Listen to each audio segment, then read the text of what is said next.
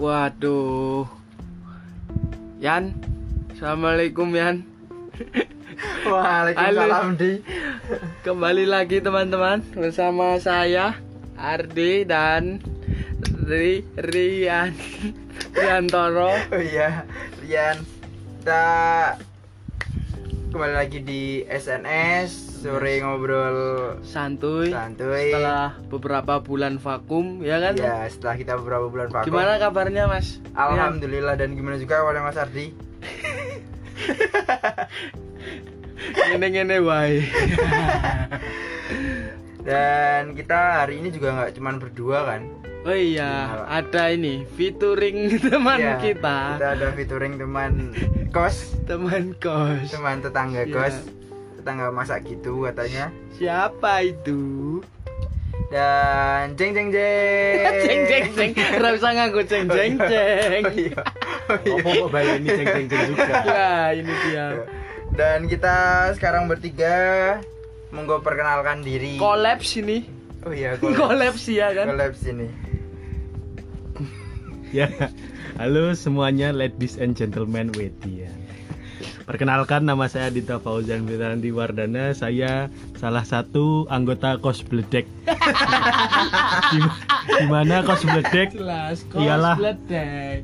kos yang paling dekat dengan FKT Raya. Enggak, enggak, enggak. Gimana enggak, gimana? Soalnya kalau kalau ada angin kan anu apa atapnya shake. Ramasuk, ramasuk. Tidak, tidak, tidak, tidak. Udah masuk, udah masuk. Jangan, jangan. jangan. Dan sebenarnya kita tadinya mau ngajakin satu teman lagi yang masih anggota kos bedek, cuman karena beliaunya besok Sidang. sidang, jadinya mungkin kita ajakin besok lagi setelah beliaunya Pasca sidang, pasca sidang gitu. Nah, sekarang sore ini mau ngobrolin apa Mas Ardi? Mumpung ada Mas Hah? Adita Fauzan yang sudah berkelana ke mana-mana Waduh. Sip. perihal percintaan minimal. Oh, jelas. Ini narasumber yang terpercaya. Narasumber terpercaya ganteng. UGM. Ganteng UGM Ganteng jelas. UGM. Kalau ada UGM juga, Bro. Kui paling bangga. Ketua, ketua lu, ketua lu. Ket- Jangan salah. oposisi Ketua unit kegiatan mahasiswa. Dia sangat Apa? aktif, Mas. apa jenenge? Eh apa namanya? Jenenge iki. Jenenge siapa sih? Anu, UKM Difabel. peduli di Fabel. Peduli Difabel. Difabel lo. Langsung dijelaskan gitu. Iya. Peduli difabel itu apa tuh Mas Ar- Mas A- Adita? Ya, jadi kalau sebenarnya mau ini dulu ya, ngomong UGM dulu. Oh iya, siap. UGM Ngomong. keren banget sih menurutku ya. Apalagi ganteng UGM. Anjir, bukan gitu, Cuk. Jadi maksudku univ yang unit kegiatan mahasiswanya paling banyak loh. Oh dan iya. dan dia dan dia dan UGM ini mahasiswanya bisa dibilang paling aktif. Coba Karena? dibanding sama kampus-kampus lain, Iya nggak sih? Hmm, ya aktif. Maksudnya Tiap- mahasiswanya. tiap di kosan. Mahasiswanya. Oh, apa? kegiatan mahasiswanya anjir. Mungkin kalau di kehutanan nggak kerasa, tapi kalau di level univ tuh beda lagi, Oh coy. iya, siap, siap, siap. Siap, siap, siap. Ya, jadi kalau UKM Peduli Difabel sendiri itu unit kegiatan mahasiswa di Universitas Gajah Mada yang bergerak di bidang difabel, entah itu pendampingan buat teman-teman eh, difabel yang kuliah di UGM maupun meningkatkan awareness dari mahasiswa-mahasiswa UGM tentang isu-isu disabilitas. Wih, keren sih, keren, keren. Keren-keren dan kan UKM sebuah disabilitas kan jarang banget ini. Heeh. Dan kenapa sih harus ada UKM difabel kalau di UGM sendiri? Oke. Kalau menurut Oh iya Mas Ardita ketua tahun berapa ya? Nah, Iya. Kelihatan tua ya. Jadi saya ketua tahun 2019. Wih, Mungkin mantap, sedikit cerita mantap, aja ya. mantap. ya. Jadi awal mula UKM Peduli Difabel berdiri itu ada namanya alumni. Ya. Salah satu alumni dia kebetulan difabel tuli Oh. di FIB. Sudah rungu. Eh, iya, sudah rungu nek Jawane. Oh, wah. Ya ya, lanjut lanjut lanjut sorry sorry sorry. Nah, terus itu berawal dari keresahannya beliau Ah, ah. di mana eh kok nggak ada fasilitas yang ibaratnya Memadai. untuk mendukung Ah, ah. mendukung kegiatan belajarnya beliau. Jadi beliau keren sih maksudnya bisa sampai mendirikan UKM tuh. Kalau boleh tahu nama beliaunya siapa, Namanya Mas itu Mas Hanif. Wah, Adi? sip. dari jurusan apa itu? FIB. Oh, mantap.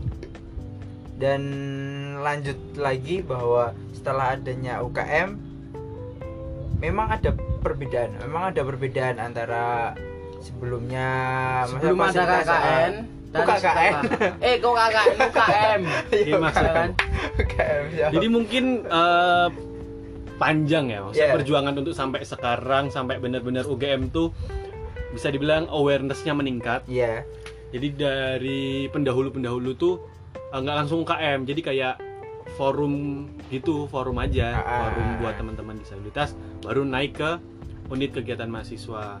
Nah itu prosesnya panjang banget, harus ada audiensi ke rektorat, bahkan waktu sempat juga ke eh, Pak Panut administrasinya berbelit gitu ya jadi belit karena nggak nggak kita pungkiri awareness buat teman-teman difabel itu kan Ah, masih kurang ya. Bahkan eh, ya sedikit lah yang bisa sampai ke jenjang universitas. Nah tapi semenjak Undang-Undang Nomor 8 Tahun 2016 tentang disabilitas itu itu jadi di, di undang-undang itu udah Ngeri, ngeri, disebutin ngeri, bahwa kalau ibaratnya mereka tuh berhak mendapatkan hak yang sama kayak gitu jadi Oh. masalah pendidikan masalah ya baru tahun 2000 itu baru 2016 soalnya itu revisi dari kalau nggak salah ya. Ya. Kalau nggak salah undang-undang tahun 97 apa 98 kayak gitu. Yang di mana eh, mereka tuh ibaratnya dianggapnya lebih kayak kasihan.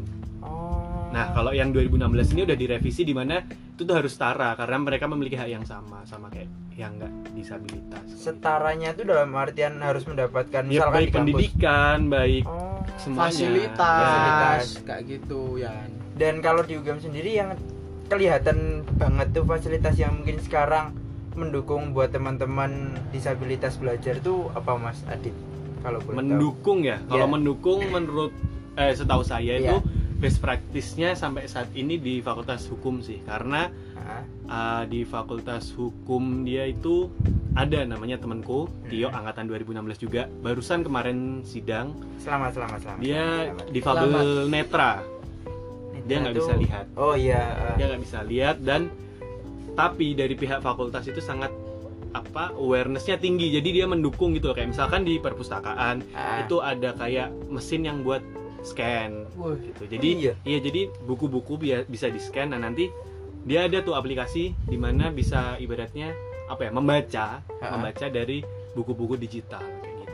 Kalau tunagrahita itu? Kalau tunagrahita tuh lebih ke apa ya kita nyebutnya sekarang kayak bisa dibilang mental ya. Oh, bedanya sama mental illness.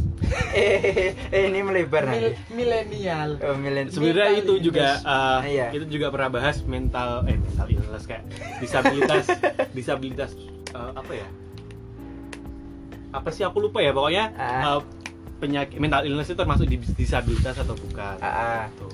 Nah itu sebenarnya tergantung kan kayak sekarang tuh banyak banget kan anak muda yang self diagnose dia anjir gue mental illness kayak gitu Oh. tapi tanpa dasar yang jelas jelas jadi Nah, kayak ketika kita itu. mau cacing ngomong sesuatu cacing Eh, ketika kita mau ngomong sesuatu harusnya kita cari dasar-dasarnya Oh iya, Ah, benar. dasar teorinya harus ada. Ya, setelah Harus itu, aku ibaratnya kan ada tuh uh, bagian disabilitas mental terus Ah, ah. sedikit banyak belajar sama salah satu dosen psikologi namanya Bu Mufid tuh asik banget orangnya Ah, ah.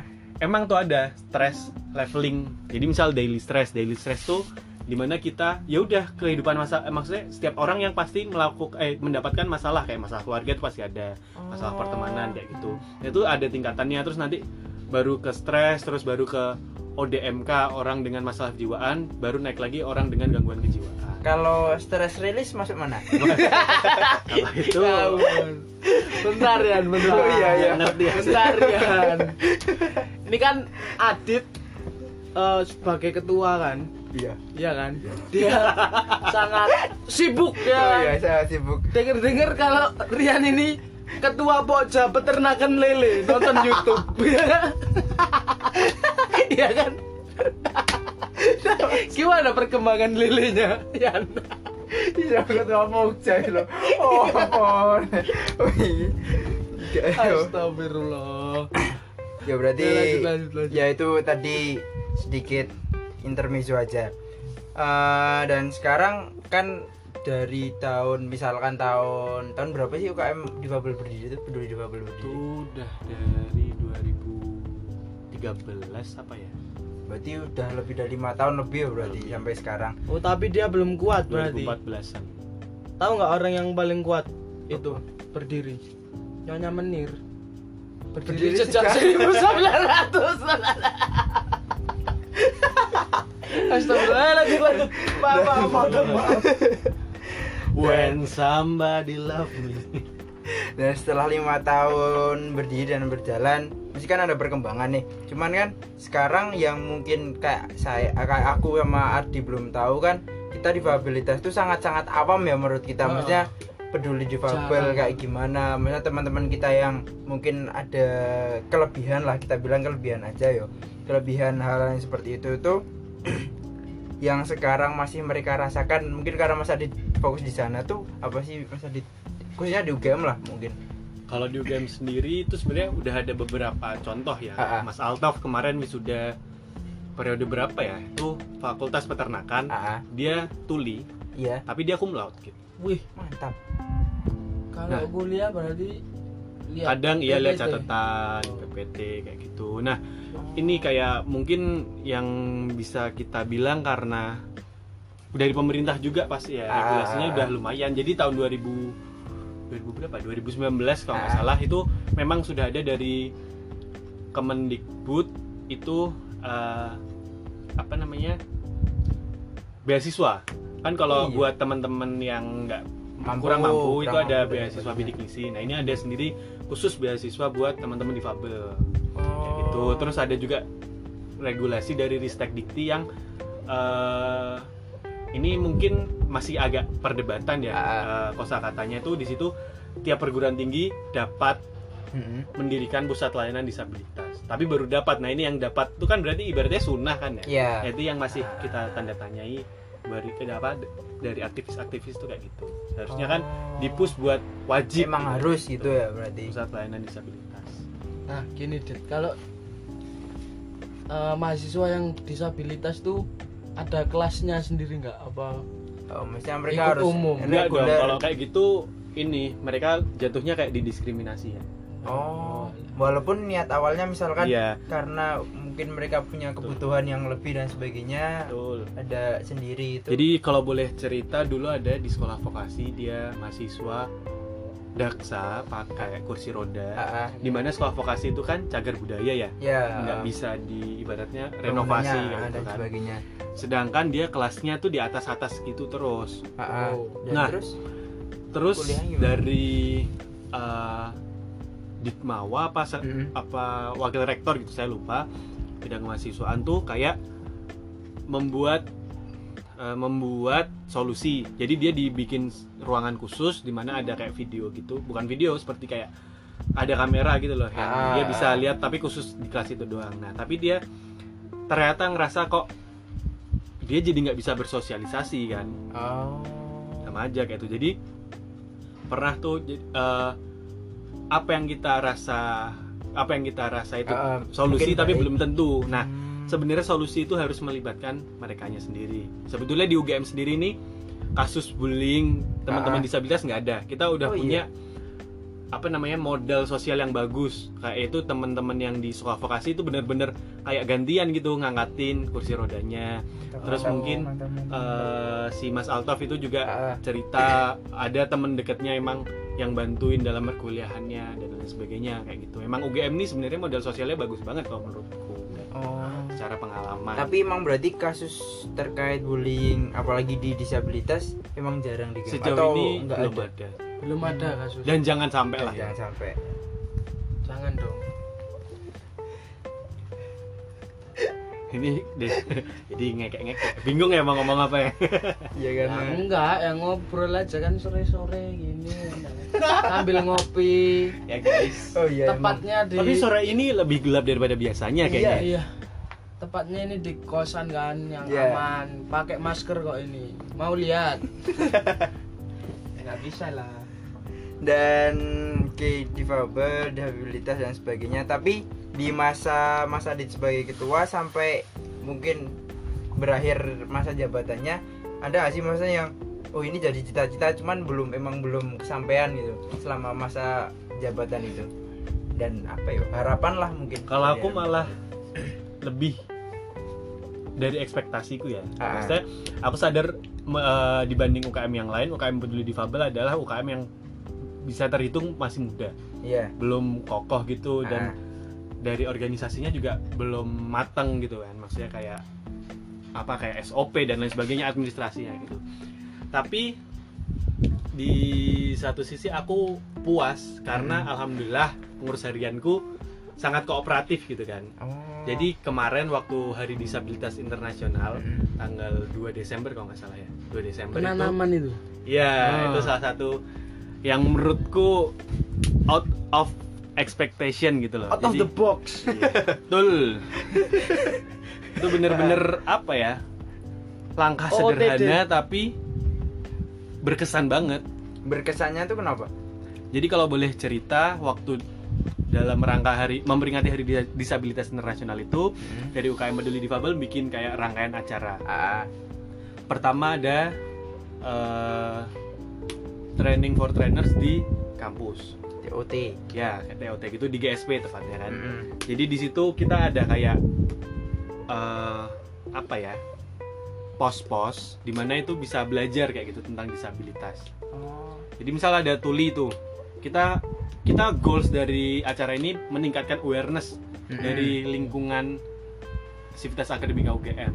Oh. Jadi misal tuli nih, tuli di situ kita belajar dikit-dikit bahasa isyarat kayak gitu.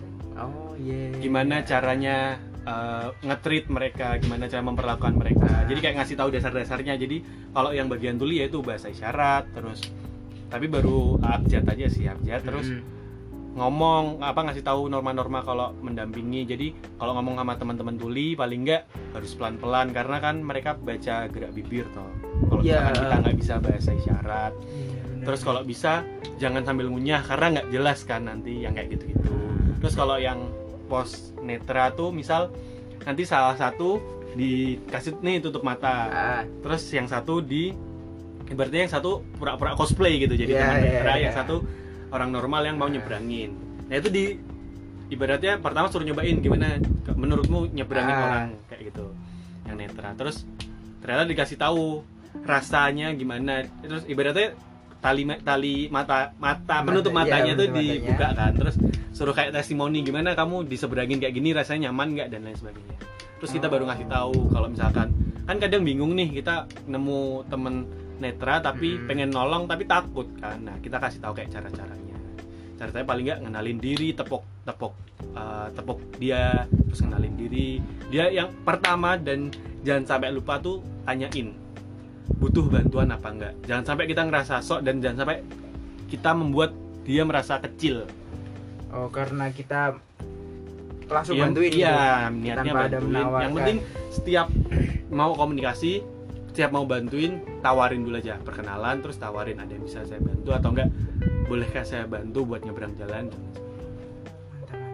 Berarti lebih ke edukasi ya. Hmm, ningkatin awareness kan Awareness, terus yang ke yang kedua itu ada kayak tapi di alun-alun kidul itu apa? Bersih bersih Enggak, kalau itu kita kasih kayak ngasih pamflet, terus ngasih pengetahuan gitu aja, muter aja. Kira-kira eh, Mas, Mbak, udah tahu belum sih yang namanya disabilitas itu apa Hmm. dan lain sebagainya. Terus puncaknya yaitu buat narik attention kita eh, bukan nari sih kayak nyanyi tapi pakai bahasa isyarat manusia kuat lalu ya tulus. Anjay. Ngerti ra? Ngerti ra gue? Manusia kuat ngerti ya nanti dicari ya. Ya siap. Lihat saya taunya pamungkas. Ya ngomong pamungkas kan juga soalnya pamungkas kan kata Mas Adit pernah cerita tuh kan dia Half juga harus itu apa ya? Maksudnya dia juga Eh, ibaratnya pamungkas kalau gitu. menurut Setengah yang saya baca ya yang saya Iya, baca half itu div. setengah tuli. Half half setengah. Div. oh div. div. Div itu Oh. tuli. Iya. Oh ya lebih setting ya Mas Ardi. Lupa guys. Aku Iya. mau ini puncak ya acara ya puncaknya. acara puncaknya. Aku tuh cuma pengen sebenarnya kan bikin acara di mana teman-teman difabel. Itu Mm-mm. nggak jadi objek tapi dia subjeknya iya gitu gimana berarti. cara dia juga bisa jadi subjek.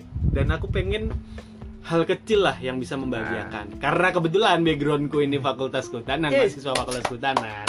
Diajaklah menanam. Yo, mantap, itu mantap. maksudnya walaupun orang mikir biasa, tapi itu adalah kegiatan yang luar biasa. sangat Luar jarang, biasa, yang sangat jarang, jarang, jarang, buat teman-teman disabilitas. Hmm, Nah, poin dari situ adalah buat teman-teman yang bukan disabilitas, Ah. kita cuma pengen ningkatin awareness. ya. Gimana cara berinteraksi langsung buat eh, bareng teman-teman yang difabel ini, disabilitas. Karena ibaratnya stigmanya selama ini kan mereka ibarat eh, bisa dibilang termarginalkan ya, Iya. disendirikan. Jadi Iya. nggak 100% salah orang-orang ketika mereka dalam tanda kutip takut atau takut dalam arti dia nggak tahu gimana cara nge-treat mereka Ah, uh, dan stigmanya yang lebih Ah. negatif gitu kan.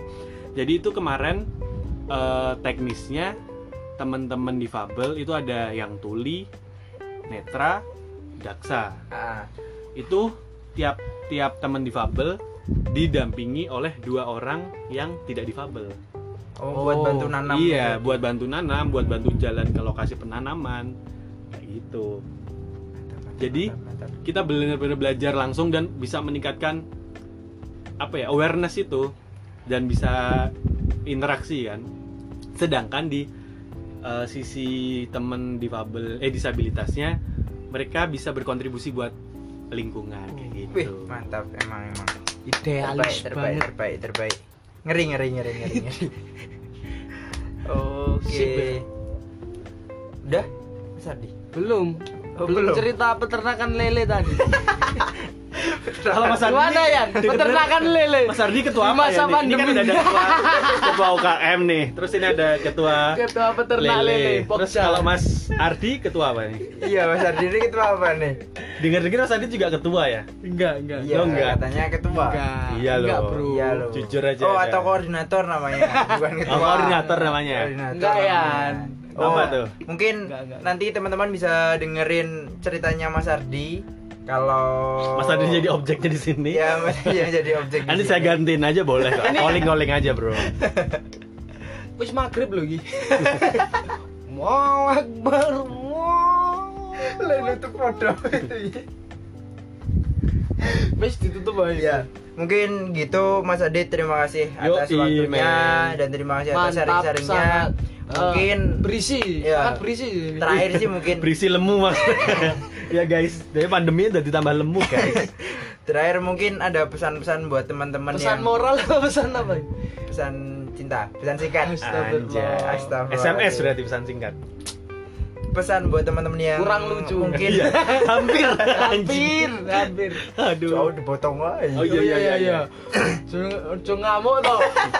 ya, ya, ya. Ya, intinya mungkin pesan buat teman-teman yang di Fabel tuh apa dan mungkin teman-teman yang kayak alhamdulillah mungkin nggak dikasih Beda, sama- beda cobaannya. ya beda cobaannya mungkin itu apa monggo Buat teman-teman disabilitas yang ada di luar jangan berhenti, jangan patah semangat. Mm-mm. pokoknya kalian pasti bisa lah aku yakin dan karena sudah ada gitu udah ada sosok-sosok yang membuktikan tuh bisa jadi jangan takut mau kuliah mau Ah. apa itu jangan takut sekarang dunia udah kayak gini udah terbuka lah Ya. maksudnya pemikiran orang-orang pasti sedikit banyak sudah open minded Ah, ah, ah, Terus ah. buat teman-teman yang tidak disabilitas, buat siapa pun kalian di luar sana jangan pernah mengunderestimatekan orang. Anggap remeh. Iya, menganggap remeh. remeh. Remeh. Pokoknya harus saling bantu karena kita nggak tahu kapan kita perlu bantuan orang. ya setuju Setuju, banget. setuju banget. sangat setuju Di sini ya, aku image-nya jadi bagus banget. Anjay. nah mungkin gitu Mas Ar- Yoi. Mas Emang Adit. top. Emang top dan terima Beng, kasih beng, atas padahal. waktu, waktunya terima kasih atas Nggak rugi nih, nggak Nggak rugian, rugi. nggak rugian. ada knowledge ini ada Knowledge. knowledge nggak cuma judging kalau kata ya. knowledge richness. Ini loh. nggak judging. cuma judging atau kalau kata Ardi karena kita cuma coba mengepaskan ngepas si di 25 menit iya kan ngepas ya eh. Eh, iya, ya dan mungkin podcast kali ini sedikit cerita dan sharing dari Mas Adita Fauzan yang pernah menjadi ketua Ketua. peduli, ketua peduli difabel UGM itu ya. Yo. Wow. Universitas itu? Gajah Mungkur. golek mantai Eh, Siti meneh lucu. ya mungkin gitu aja Yoi. tetap pengen ngelucu aku jangan jangan jangan lupa kita masih ada pandemi dan semoga teman-teman jaga Stay jaga safe, kesehatan everyone. Stay safe. teman-temanku dan jangan lupa pakai masker cuci tangan jaga jarak Mas Rian jangan lupa ngasih makan lele. sebenarnya lagi Loh, kan emang ternak lele yo Bentar, nanti, selanjutnya nanti ya kita nanti ngobrol lagi cerita-cerita karena lagi. udah maghrib ini Iya. kan kita tutup aja ya Assalamualaikum Warahmatullahi wabarakatuh. Wassalamualaikum, sih? Oh iya, Kak. diulang Ada. Waalaikumsalam warahmatullahi Loh, salah wassalamualaikum warahmatullahi Oh iya. wabarakatuh Iya, tau. Iya sih. Oh iya toh. iya Wassalamualaikum warahmatullahi wabarakatuh. terima kasih yang telah mendengarkan